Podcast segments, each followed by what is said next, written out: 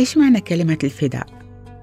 على أيام اليهود في شريعة موسى كان اليهود يقدموا كل سنة قربان خطيئة والكاهن هو كان الوسيط بينهم وبين الله هو اللي كان يدخل مكان مخصص للكاهن اسمه قدس الأقداس ويقدم القربان والذبائح لله عشان الله يغفر ذنوب الشعب وفي رسالة عبرانيين الآية تقول وكل شيء تقريبا يتطهر حسب الشريعة بالدم وبدون سفك دم لا تحصل مغفرة.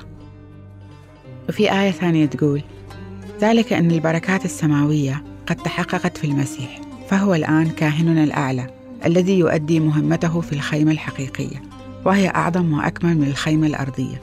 إنها في السماء لم تصنعها يد بشرية وليست من هذا العالم المادي. فإلى قدس الأقداس في هذه الخيمة دخل المسيح مرة واحدة حاملا دم نفسه. لا دم تيوس ولا عجول. ذلك بعدما سفك دمه عوضا عنا.